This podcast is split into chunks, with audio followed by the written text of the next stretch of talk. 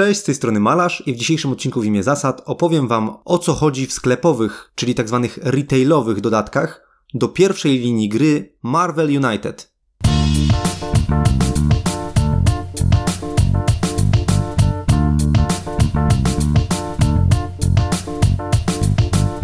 Pierwsza linia gry Marvel United posiada łącznie 7 dodatkowych pudeł, ale tylko 4 z nich są dostępne w retailu, a są to Rise of the Black Panther, Guardian of the Galaxy Remix, Enter the Spider-Verse oraz Tales of Asgard.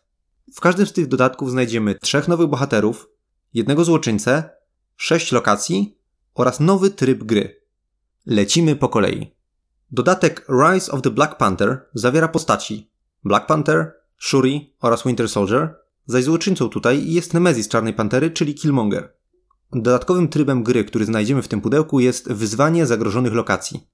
Polega ono na tym, że podczas przygotowania do gry każdy z graczy wybiera dla swojego bohatera jedną lokację, która będzie z nim powiązana. I jeżeli podczas rozgrywki dojdzie w tej lokacji do efektu overflow, czyli w polskiej wersji zatłoczenia, to nasz bohater obrywa jedno obrażenie. I to tyle o dodatku Rise of the Black Panther. Omówmy teraz dodatek Guardians of the Galaxy Remix. W tym dodatku znajdziemy trzech Guardiansów, którymi są Star-Lord, Rocket Raccoon oraz Groot. Naszym antagonistą będzie natomiast znany z pierwszej części filmu Ronan, Dodatkowy tryb gry, który znajdziemy w tym pudełku, to wyzwanie planu B. W tym wyzwaniu, podczas przygotowania do gry, nie wykładamy standardowych trzech kart misji, które polegają na uratowaniu dziewięciu cywili, pokonaniu dziewięciu zbirów i zażegnaniu czterech zagrożeń, a zamiast tego wykładamy alternatywne misje, polegające na uratowaniu dwunastu cywili, pokonaniu dwunastu zbirów i zażegnaniu wszystkich sześciu zagrożeń. Wszystkie misje są więc nieco trudniejsze. Ale nowe misje stanowią nasz plan B, ponieważ w grze pojawia się alternatywny sposób na zwycięstwo. Jeżeli nie chcemy tu się ze złoczyńcą, możemy po prostu wykonać wszystkie trzy misje do końca i wtedy również wygrywamy. Trzecim dodatkiem jest Enter the Spider-Verse w klimatach Friendly Neighborhood Spidermana.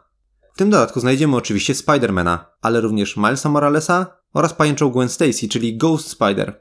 Naszym przeciwnikiem tutaj będzie Green Goblin, a dodatkowym trybem wyzwanie sekretnych tożsamości. Polega ono na tym, że na początku gry rozkładamy trzy żetony reporterów na lokacji złoczyńcy oraz na dwóch lokacjach, które sąsiadują z naszą startową lokacją. Czyli reporterzy będą rozłożeni tak na trójkącie, co drugą lokację. No i teraz tak. Jeżeli jesteś w lokacji z takim reporterem i chcesz wykonać jakąkolwiek akcję inną niż ruch, który pozwoli ci wyjść z tej lokacji, to taki reporter robi ci zdjęcie. Ale spokojnie, możesz dostać tylko jedno takie zdjęcie na turę. Nieważne ile zrobisz akcji i nieważne ilu reporterów stoi z tobą na polu. No właśnie, bo w ogóle tych reporterów możemy przesuwać. W swojej turze możesz wydać symbol heroicznej akcji, żeby przesunąć dowolnego reportera na planszy o jedno miejsce w lewo lub w prawo. Możemy więc ich przeganiać z miejsc, w których za chwilę będziemy działać. A czemu w ogóle chcemy unikać tych zdjęć? Otóż, jeżeli twojej postaci zostaną zrobione łącznie trzy zdjęcia, to odkryta została jego tajna tożsamość. Przykre konsekwencje tego są takie, że od razu dostajesz jedno obrażenie, a ponadto w swojej najbliższej turze musisz zagrać jedną ze swoich kart w ciemno, czyli w taki sposób, że nie da ona nikomu żadnych symboli, ani tobie, ani twojemu następcy. Na pocieszenie powiem, że twoja sekretna tożsamość może zostać odkryta tylko raz w czasie gry i jeżeli już do tego doszło, no to twoja postać może już ulewać reporterów. Ostatnim opisywanym dodatkiem jest natomiast Tales of Asgard, który jak łatwo się domyśleć zawiera w sobie Tora, ale oprócz niego jest tam też jego filmowy kumpel Korg, ten taki jakby kamienny golem, oraz dzielna Walkiria.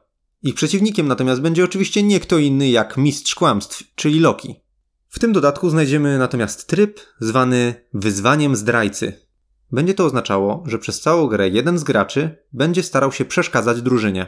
Ten tryb oczywiście nie działa na grę solo ani na dwie osoby. Można go wykorzystywać jedynie w grach na trzech lub czterech graczy. Na początku gry rozdajemy karty lojalności, wśród których na pewno znajdzie się jedna karta zdrajcy. Dodatkowo każdy z graczy otrzymuje jeden żeton akcji uniwersalnej oraz specjalny żeton nieufności. Cała rozgrywka będzie wyglądała w taki sposób, że do momentu wykonania drugiej misji zdrajca normalnie z nami gra. Może nam przeszkadzać, może się maskować. Kiedy zostanie wykonana druga misja, następuje przerwanie gry i na 3-4 każdy wskazuje, kto jego zdaniem jest zdrajcą. I jeżeli trafi, dostaje żeton uniwersalnej akcji. Niezależnie od tego, czy ktoś zgadł, czy nie, figurkę postaci gracza, który wylosował zdrajcę, ściąga się z planszy i od tej pory ten gracz będzie grał jako złoczyńca. I za każdym razem, kiedy nas będzie następowała tura złoczyńcy, będzie on pobierał dwie karty z góry jego stosu, wybierał, która z nich zostanie zagrana, a drugą wsuwał na spód talii. Oczywiście, jeżeli bohaterowie wygrają, gracz zdrajca przegrywa, a jeżeli bohaterowie przegrają, gracz zdrajca wygrywa. Ostatnim twistem w tym trybie, którego jeszcze nie opisałem, są te żetony nieufności. O co z nimi chodzi? Otóż, w dowolnej swojej turze możesz zagrać jedną z kart z ręki w ciemno, czyli nie będzie ona dawała ani tobie, ani następnemu graczowi symboli, ale dzięki temu pozbywasz się żetonu nieufności. A chcesz się go pozbyć, ponieważ w momencie wykonania drugiej misji, kiedy następuje to typowanie zdrajcy, sprawdzamy, czy komuś jeszcze zalega ten żeton nieufności. Wszyscy gracze, którzy się ich nie pozbyli, tracą wszystkie swoje punkty życia i zostają znokautowani. Pozbywanie się tych symboli oczywiście nie obchodzi zdrajcy, ponieważ nie wyrządzi mu to żadnej krzywdy, ale pozwala mu ono na pozbycie się jakiejś dobrej karty z przydatnymi symbolami, albo po prostu na niezrobienie nic w sytuacji, kiedy był bardzo potrzebny, wykręcając się tym, że akurat nie miał dobrych kart na ręku i jest to dobry moment na pozbycie się żetonu. I to już wszystko o tych dodatkach. Jeżeli jesteście ciekawi, co o nich sądzimy, serdecznie zapraszam do naszej recenzji. Cześć!